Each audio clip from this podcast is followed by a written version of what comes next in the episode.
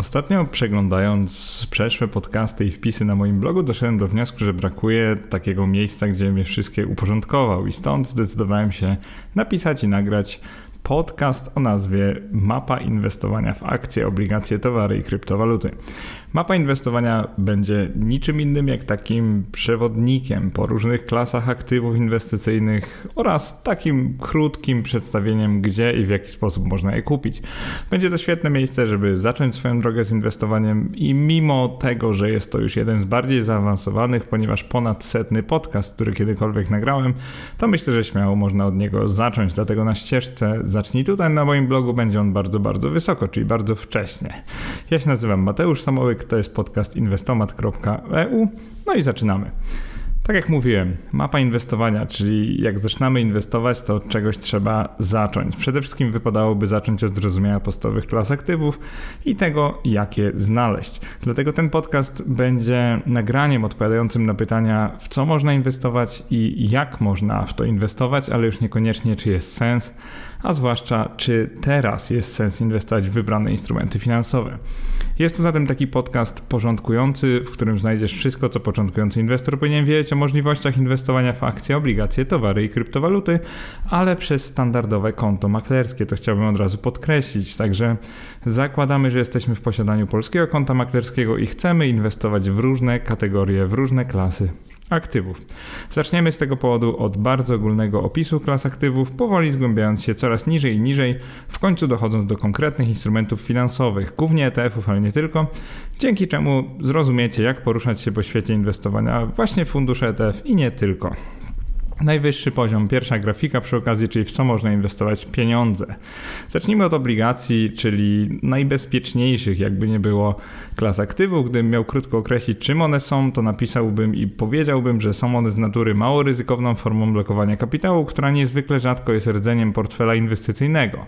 Dlaczego niezwykle rzadko? Ponieważ ona pełni rolę raczej takiego dopełniacza i bezpiecznika portfela, a tak naprawdę większość portfeli, które kręcą się, opierają się, na obligacjach, chciałem powiedzieć, kręcą się wokół obligacji, są po prostu w długim terminie zbyt mało dochodowe, dlatego rzadko kiedy obstawia się większość swojego kapitału na obligacjach. Jeżeli chodzi o to, czym one są, no to najprościej rzecz ujmując, jest to udzielanie pożyczki firmie, miastu lub państwu. Zasady ich działania tłumaczy już w innych wpisach na blogu, także nie będziemy się teraz w to wgłębiać. I teraz poruszając się dalej palcem po mapie inwestowania, trafimy wreszcie na akcje, czyli udziały w spółkach giełdowych, które zwykle są i moim zdaniem tak naprawdę powinny być podstawą każdego długoterminowego portfela inwestycyjnego. Pojęcie akcji wyjaśniłem już wielokrotnie, więc tak naprawdę nie będę do tego wracał, ale powiem tyle, że akcje nie bez powodu przez wiele lat były, są i raczej będą podstawą i największą częścią większości portfeli inwestycyjnych na świecie. Bo tak naprawdę co może być lepszą inwestycją niż kawałek, taki fragment sprawnie działającej i rozwijającej się firmy? I według mnie tak naprawdę nic, ale wiem, że niektórzy wskażą na przykład towary lub kryptowaluty, do których opisu przejdziemy tuż po zaprezentowaniu najwyższego poziomu inwestycyjnej mapy.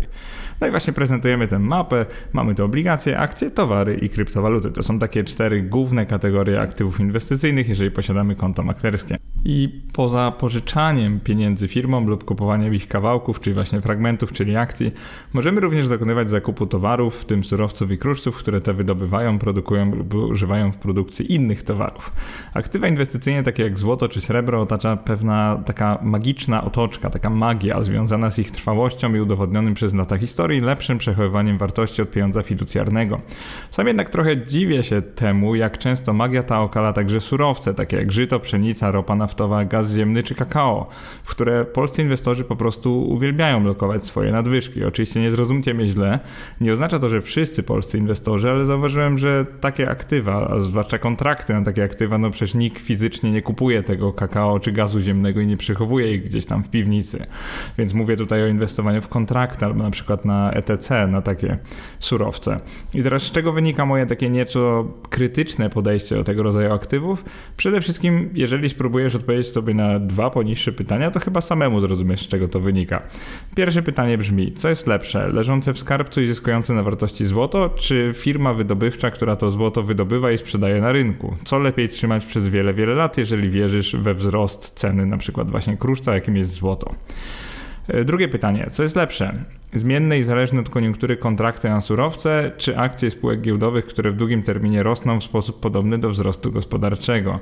Ja uważam, że to drugie, choćby z tego powodu, że posiadając szeroki indeks, czyli akcje różnych spółek, po prostu obstawiamy wzrost gospodarki i nie za bardzo przejmujemy się tym, czy w danym momencie jest koniunktura na dany surowiec. Więc jeżeli chcemy inwestować rozsądnie, długoterminowo i pasywnie, no to raczej podstawą naszych portfeli powinny być właśnie akcje spółek giełdowych, a nie jakieś kontrakty na surowce lub te same opakowane w jakieś tam fundusze ETC lub ETM.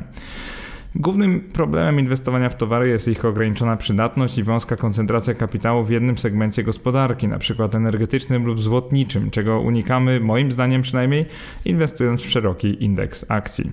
Jeżeli dodamy do tego słynne sformułowanie, które bardzo lubię, czyli złoto nie płaci dywidend, mamy wszystkie powody, by surowcami portfel raczej uzupełniać, czyli mieć ich w portfelu mniej niż 10%, niż budować go wokół nich. No i na sam koniec to, o czym bardzo rzadko mówię w moich podcastach, czyli złoto pokolenia Z, kryptowaluty, o których jak na milenialsa, tak jak właśnie mówiłem, piszę i mówię bardzo, ale to bardzo niewiele. I teraz co one robią w tym podcaście? Przede wszystkim czuję, że powinno się o nich wspomnieć, bo od, od niedawna jest możliwość pośredniego inwestowania w nie, więc jeżeli ktoś nie chce zakładać kont na np. giełdach kryptowalut, ani kopać tego rodzaju aktywów samemu, czyli po prostu generować ich samemu, używając mocy obliczeniowej swojej, swoich, swojego sprzętu, to może to zrobić poprzez fundusz np. ETF lub ETN na kryptowaluty, o których też powiem w tym podcaście. Zaczynając właśnie od obligacji, czyli przechodzimy teraz do mapy inwestowania w obligacje. Pierwszym problemem inwestowania pośrednio w obligacje jest ryzyko walutowe, którego wpływ na inwestycje opisałem we wpisie ryzyko walutowe w inwestowaniu w ETF, zabezpieczać czy nie i oczywiście podcaście o tej samej nazwie. Nawet po jego zrozumieniu pojawi się taki aspekt wpływający na ceny funduszu, czyli stopy procentowe, które z kolei opisałem w tekście, dlaczego ceny funduszy ETF na obligacje zmieniają się dynamicznie. W skrócie uważajcie na takie fundusze, bo po pierwsze często są notowane w obcej walucie, więc mamy tu ryzyko walutowe, które często tworzy większą część zysku lub straty niż na przykład odsetki z tych obligacji, które ma ten ma w portfelu i tak jak mówiłem, jeżeli mam, jesteśmy w erze wzrastających stóp procentowych, to oczywiście co się dzieje? Rośnie rentowność obligacji, a więc spada cena tych istniejących. Oznacza to mniej więcej tyle, że kupimy fundusz ETF na wydawać by się mogło bezpieczne obligacje i z czasem on zacznie tracić na wartości. Nikt wtedy nie wie o co chodzi, dlatego ale bardzo, ale to bardzo polecam przesłuchanie materiałów, o których wspomniałem. Jeżeli chodzi o kupowanie obligacji przez e, konto maklerskie, to właśnie pamiętajcie o kilku rzeczach, bo kiedyś nazwałem w ogóle inwestowanie w obligacje, na przykład dolarowe, że jest to taki oprocentowany dolar, czyli wydawać by się mogło, że mamy dolara tylko takiego lepszego, ponieważ czasem otrzymujemy odsetki. I moim zdaniem było to wielkie uproszczenie, którego później wielokrotnie żałowałem, bo nie uwzględniało ono wielu czynników i ryzyk, których inwestor w obligacje powinien być świadomy. No i są to m.in. ryzyko emitenta, bo nawet z pozoru bezpieczny kraj może pewnego dnia zbankrutować i przestać spłacać swoje zadłużenie. E, druga sprawa to właśnie ryzyko wahań kursowych, bo moje słowa były prawdziwe dla obligacji detalicznych, takich jak np. polskie COI czy EDO, które po prostu nie są notowane na giełdzie, więc z czasem ich cena nie zmienia się. Ale jeżeli posiadamy obligacje, które są notowane na giełdach, to oczywiście z czasem ten oprocentowany dolar może zyskiwać, ale też tracić na wartości, bo po prostu nowe emisje będą lepsze, więc posiadasz takich obligacji, jeżeli będzie musiał je mm, sprzedać w danym momencie, to oczywiście wtedy straci. Jeżeli posiadamy polskie konto maklerskie, to mamy dostęp do pośredniego inwestowania w obligacje, a tak naprawdę bezpośrednio kupimy rzadko co. Tutaj bym wskazał, że przez polskie konta maklerskie kupimy głównie obligacje hurtowe na Catalyst, Skarbu Państwa, no i obligacje korporacyjne z Catalyst. Natomiast będziemy mieli problem z inwestycją bezpośrednią na przykład w obligacje spółek z USA czy z Unii Europejskiej lub na przykład e, by pożyczyć pieniądze Skarbowi Państwa USA lub Skarbom Państwa państw ze strefy euro. To jest praktycznie niemożliwe przez polskie konto maklerskie, ale jeżeli posiadacie konta u zagranicznych brokerów, to sprawdźcie oferty, bo bardzo często da się w takie obligacje zainwestować. Jeżeli chodzi o pośrednie inwestowanie, to mamy tu naprawdę szereg ETF-ów, które opiszę korzystając z takiej osobnej grafiki, trochę skomplikowanej. Inwestując w obligacje możemy podzielić to na taką specyficzną mapę konkretnych instrumentów. Na samej górze takie najbardziej ogólne są obligacje obydwu typów z całego świata, czyli kupujemy jeden ETF, który posiada zarówno obligacje skarbowe, jak i korporacyjne. I do takiej kategorii należą na przykład ETF-y iShares Core Global Aggregate Bond, bond albo e, Vanguard Global Aggregate Bond. To te, te dwa ETF-y po prostu kupują koszyk obligacji. W tej chwili jest to większość obligacji skarbowych, tam około 20 kilku, 30% obligacji korporacyjnych i oczywiście głównie te notowane w dolarze, ponieważ y, kapitalizacja, no podobnie tak jak w przypadku akcji, Stany Zjednoczone dominują to w portfelach tych funduszy. Jest, myślę, podobna sytuacja. Jeżeli zejdziemy trochę w dół i skupimy się na obligacjach korporacyjnych na początku, to możemy na przykład kupić obligacje korporacyjne państw rozwiniętych, czyli tak jakby Podobnie jak inwestujemy w, w indeks MSCI World, czyli właśnie akcje z państw rozwiniętych, tak samo możemy pożyczyć pieniądze spółkom z państw rozwiniętych. I tutaj mamy takie ETF-y jak iShares Global Corporate Bond albo iShares Fallen Angels High Yield Corporate Bond. Tylko ten drugi, pamiętajcie, jest trochę bardziej ryzykowny. Jeżeli chodzi o dalszą część podziału, to możemy też zainwestować w obligacje korporacyjne państw wchodzących. Tak, na przykład jest taki fundusz jak Van Eck Emerging Markets High Yield Bond. No i uważajcie tutaj, to jest dość rzadki ETF, bo nie ma zbyt wielu ETF-ów na obligacje korporacyjne właśnie z krajów wschodzących. Uważajcie przede wszystkim na, na, to, że to jest nie dość, że high yield, to jeszcze z takich krajów bardziej ryzykownych, więc mamy tutaj e, jakby podwójne wbudowane ryzyko. Jeżeli chcemy inwestować w sposób bardziej skoncentrowany, możemy kupić obligacje korporacyjne z wybranych rynków. No i tutaj na przykład na Stany Zjednoczone mamy iShares USD Corporate Bond, e, na Unię Europejską mamy iShares Core Corporate Bond, i na przykład na Wielką Brytanię mamy iShares i to jest pound, znak funta, po prostu corporate bond excluding financials. Y, takie fundusze są dostępne w Polsce. Jeżeli chcemy polskie obligacje korporacyjne, to mamy oczywiście fundusz MSOC FIS, który też można kupić przez konto maklerskie. To nie jest ETF, tylko to jest fundusz y, inwestycyjny zamknięty, tak żebyście rozumieli, jak to działa. Teraz przeskakujemy do obligacji skarbowych. Tutaj, jeżeli zejdziemy poziom niżej, mamy oczywiście obligacje skarbowe państw rozwiniętych oraz państw schodzących. I to są odpowiednie ETF-y iShares Global Government Bond UCITS. Oczywiście tutaj też mamy odpowiednik Vanguarda, jeżeli dobrze poszukamy. I w przypadku tych rozwijających się mamy iShares JP Morgan Emerging Market Bond UCITS. To są po prostu ETF-y, jeżeli chcemy mieć, e, jeżeli chcemy pożyczyć pieniądze państwom właśnie wschodzącym lub rozwiniętym, to mamy taką możliwość poprzez te ETF-y.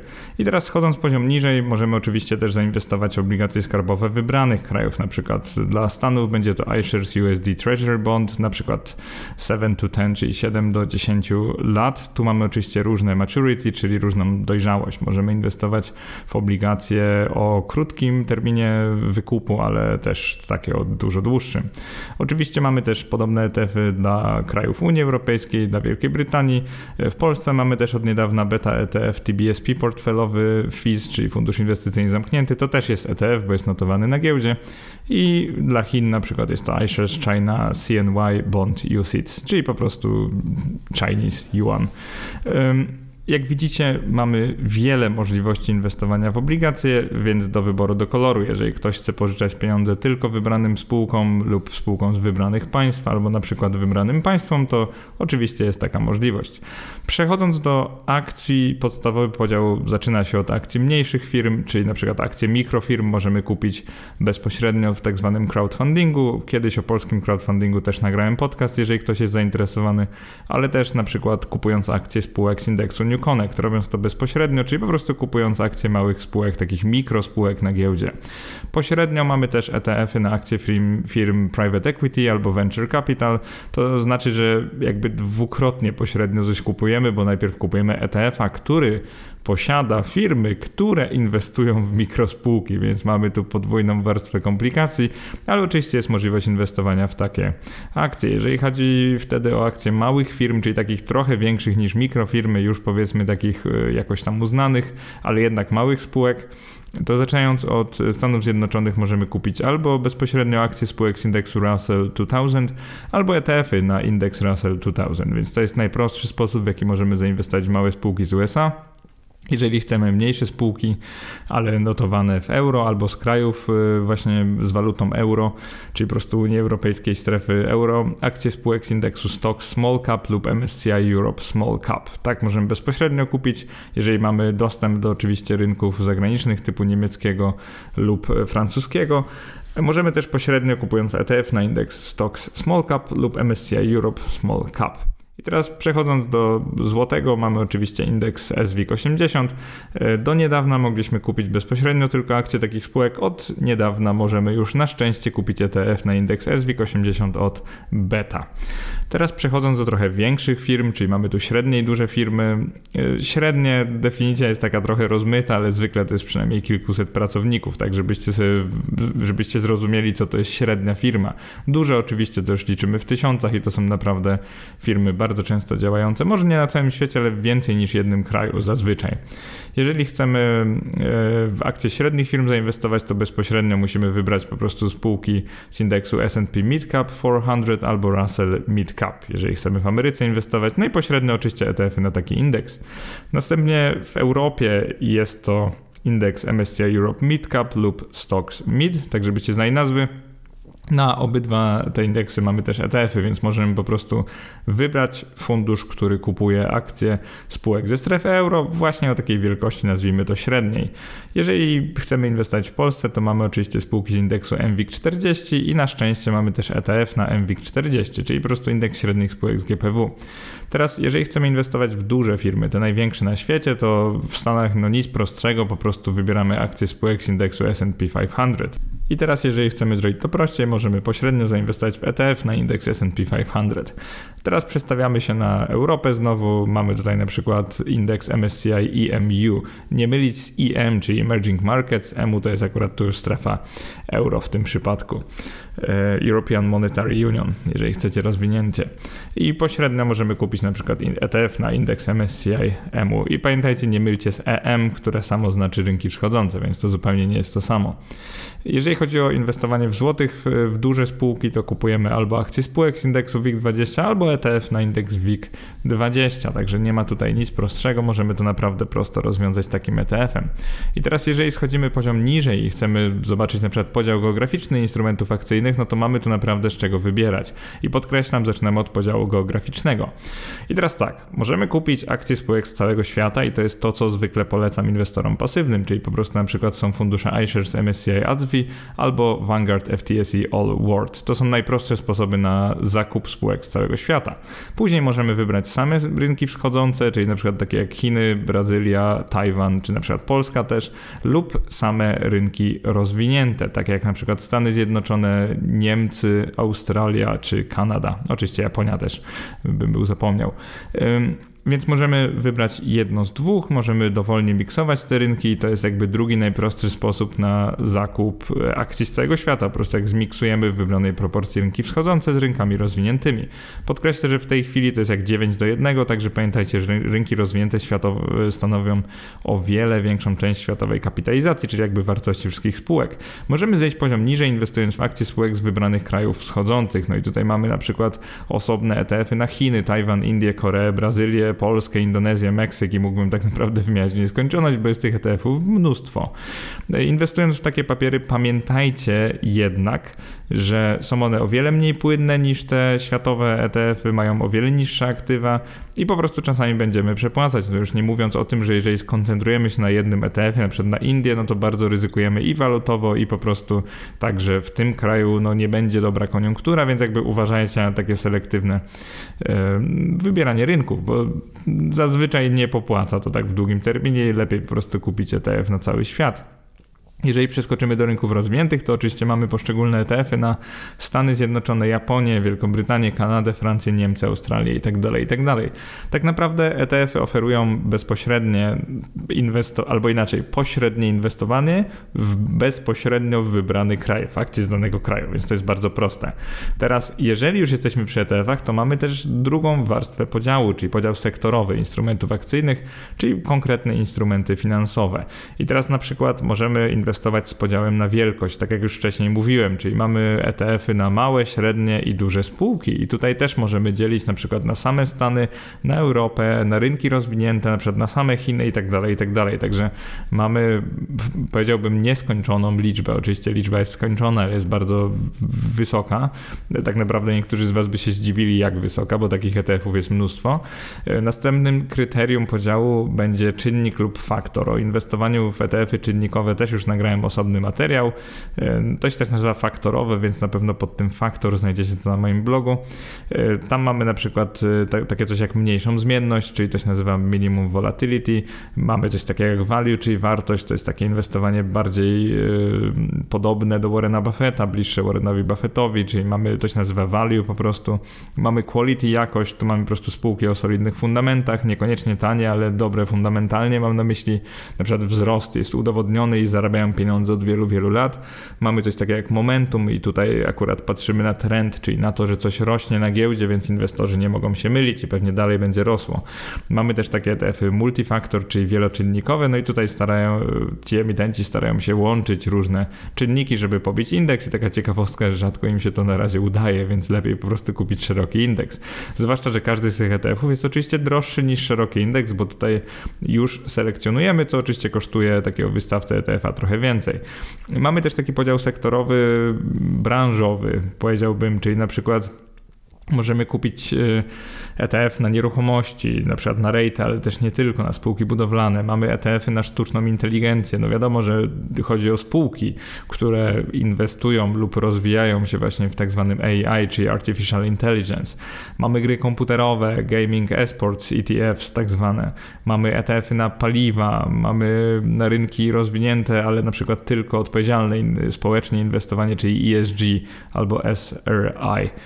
Um, No, tak naprawdę mógłbym tak nieskończoność, bo jeżeli chcemy wybierać, to mamy praktycznie nieograniczone możliwości. Jest tu oczywiście też, nazwa, można to powiedzieć, że to jest taki też faktor dywidendowy, czyli po prostu możemy kupić e, e, cały indeks, ale tylko spółki, które wypłacają wysokie dywidendy. Także mapa inwestowania w akcje jest naprawdę prawie nieskończona. I teraz dochodzimy do ostatniej części, czyli towary i kryptowaluty. E, gdy mamy konto maklerskie, możemy oczywiście inwestować w nie tylko pośrednio, czyli na przykład wybierając tak zwany ETC, to jest jakby ETF, tylko zamiast F, czyli fund, mamy C, czyli commodity, czyli po prostu e, kupujemy taką notę na to, że emitent posiada na przykład wybrane kruszce lub e, surowce lub kontrakt na te surowce, więc jakby kupujemy instrument, który ma się poruszać e, no identycznie, możliwie blisko ceny kruszcu lub surowca, a tak naprawdę no wiadomo, nie jest to fizyczny zakup w naszym jakimś tam skarbcu czy w naszym magazynie. Czyli możemy kupić ETC na wybrane kruszce, na wybrane surowce, na miks towarów albo na akcje spółek wydobywczych. To jest już ETF. To jest oczywiście rodzaj ETF-u akcyjnego, ale chciałem go wymienić w surowcach i kruszcach, no bo umożliwia on jakby pośrednie inwestowanie w nie. Jeżeli chcemy bezpośrednio, to oczywiście możemy kupić sztabki lub monetę, przed w mennicy albo od inwestora prywatnego. E, to jest oczywiście możliwe, natomiast jeżeli mówimy o koncie maklerskim, to tylko pośrednie inwestowanie.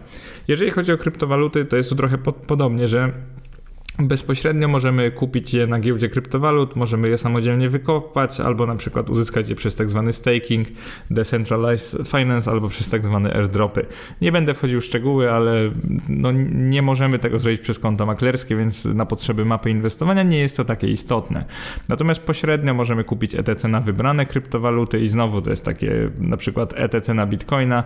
E, on się ma poruszać jak bitcoin, no niestety kosztuje zwykle około 1,5% rocznie, przez te jakby jego wyniki są gorsze niż wyniki Bitcoina, co oczywiście ma sens. Możemy też kupić ETC na koszyk kryptowalut.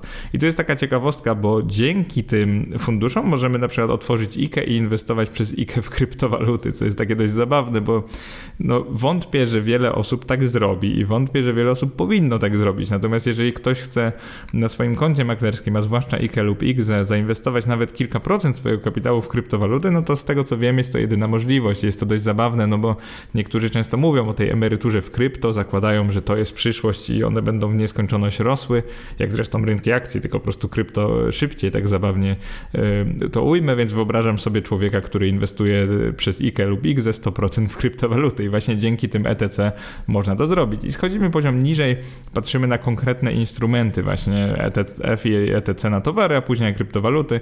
Zacznijmy od towarów. No to możemy kupić ETF na akcje spółek wydobywczych i to będzie na przykład FunEct Global Mining, Mining UCITS albo FANEC Gold Miners UCITS. To oczywiście nie są jedyne fundusze na takie spółki, ale chcę Wam tylko pokazać, że da się po prostu kupić pośrednio e, jakby zbiór spółek, które wydobywają konkretne surowce, więc oczywiście ich ceny, ceny ich akcji na giełdzie powinny poruszać się mniej więcej podobnie do surowców, co oczywiście ma sens. Jeżeli nie chcemy kupować spółek, możemy kupić też właśnie jakby bezpośrednio złoto, srebro, platynę czy miks metali szlachetnych poprzez tak zwany ETC na kruszce i na przykład dobrym przykładem będzie tu Xetra Gold, na przykład Sprott y, Physical Silver Trust czy iShares Physical Platinum. Jeżeli ktoś nie chce wybierać, można też kupić taki agregat, czyli właśnie Wisdom Tree Physical Precious Metals. To jest coś, czego pewnie część z Was nie wiedziała, że nie trzeba kupować ETC na wybrany kruszec, można kupić ich mix. Podobnie jak w przypadku surowców, do których teraz przechodzimy, więc mamy na przykład bardzo modne, rzadkie i strategiczne surowce, które można kupić przy pomocy ETC na surowce, który nazywa się Fan Act Rare Earth and Strategic Metals. No to jest taki bardzo popularny ETC z tego czy innego powodu, pewnie po prostu któryś ze znanych blogerów o nim dużo mówił i dlatego ludzie się tak na nim skupiają, no ale jeżeli ktoś chce tak bardzo atrakcyjnie brzmiący fundusz, właśnie rzadkie i strategiczne surowce, może to kupić za pomocą takiego ETC. E, prościej jest kupić koszyk surowców, można go na przykład nabyć za pomocą iShares Diversified Commodity Swap UCITS. E, można też kupować ETC na surowce wybrane, tak na przykład na ropę naftową mamy Wisdom Tree WTI crude oil lub na surowce rolne mamy taki ETC jak Wisdom Tree Agriculture, więc jeżeli ktoś chce wybrać zbiór surowców rolnych, to też może to zrobić za pomocą jednego funduszu. Przechodzimy do krypto, tak jak mówiłem, jeżeli ktoś chce przed na emeryturę oszczędzać e, w kryptowalucie, no to ma możliwość zakupu pośredniego kryptowalut przez taki fundusz ETC, czyli notowany na giełdzie, który jest dostępny też w niektórych domach maklerskich, na przykład polskich, także da się kupić e, bitcoina na IKE lub X, jakby ktoś chciał, albo na przykład Ethereum. Na bitcoina mamy właśnie Wisdom Tree Bitcoin, na Ethereum mamy Wisdom Tree Ethereum. To nie są jedyne fundusze ETC, które oferują takie inwestowanie no ale jakby nie będę wchodził w szczegóły, macie listę ETF-ów na moim blogu, więc możecie łatwo sprawdzić, które to oferują, jest ich po prostu więcej. Ja wymieniam głównie te największe w tym e, podcaście, bo chcę wam po prostu ułatwić życie. Można też kupić koszyk kryptowalut, jest taki ETF jak 21 Shares Crypto Basket Index ETP, ETP. E, no niestety jego nie ma w polskich domach maklerskich, przynajmniej na razie. No dlaczego niestety, bo jeżeli ktoś chciałby mieć szerszy koszyk kryptowalut, no to taki ETP, czyli właściwie ETF umożliwia właśnie właśnie takie inwestowanie. Możemy też kupić ETF na akcje spółek związanych z blockchain, tylko pamiętajcie, że to nie są spółki, które koniecznie wydobywają kryptowaluty, tylko one po prostu są związane z technologią blockchain. I takich ETF-ów jest dość sporo, możemy się skupić na całym świecie, możemy wybrać taki, który inwestuje w spółki z USA. I tak naprawdę w tym momencie można by zakończyć y, opis mapy inwestowania, bo to by było na tyle.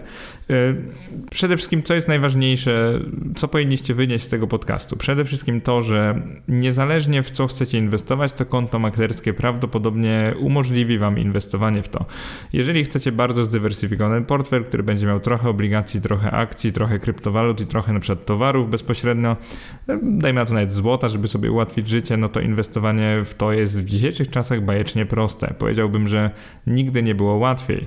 Dodajmy do tego to, że w każdej kategorii macie wybór, czyli na przykład jeżeli jeden ETF będzie kosztował 1% rocznie, czyli dość sporo, to macie inny, który będzie zwykle kosztował 0,5% rocznie lub mniej, więc to jest naprawdę świetne, że możecie wybierać waszym kapitałem, nie musicie zawsze godzić się na te najdroższe fundusze. Kolejna sprawa jest taka, że polskie konta maklerskie dalej mają dość ograniczony wybór ETF-ów, oczywiście on rośnie z czasem, również dzięki lobbyingowi, no waszemu tak naprawdę, to wy piszecie do domów maklerskich, ja czasami też, ale tak jako zwykły klient, więc dzięki temu tych funduszy robi się coraz więcej, co oczywiście podsumowuję na mojej liście ETF-ów.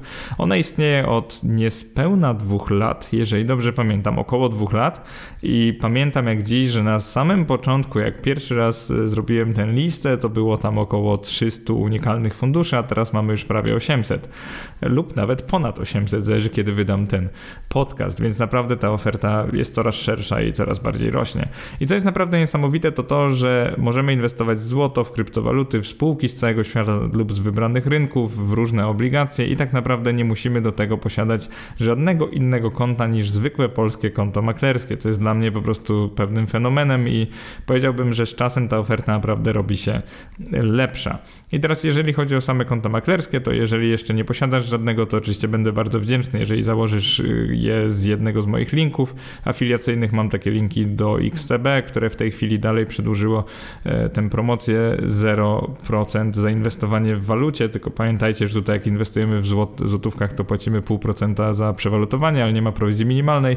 Też można założyć konto w mBanku lub w Boście, w biurze maklerskim mBanku, e, to jest eMakler w tym przypadku, lub w DM Boś, czyli Bossa. Tutaj akurat otworzymy na przykład IKE lub IGZE, więc jeżeli ktoś, tak jak się śmiałem, chciałby na tych kontach inwestować w jakieś egzotyczne aktywa lub po prostu kupić ETF na akcje z całego świata, to jest taka możliwość z moich linków. Bardzo dziękuję za dosłuchanie do końca. Jeżeli jeszcze nie obserwujesz mnie na Facebooku i na Twitterze, to serdecznie zachęcam. Jeżeli jeszcze nie oceniłeś lub nie oceniłaś tego podcastu, to też serdecznie zachęcam. Można to zrobić na Spotify oraz na Apple Podcasts. Bardzo dziękuję za dosłuchanie do końca, no i widzimy się w następnym nagraniu. Cześć, do następnego.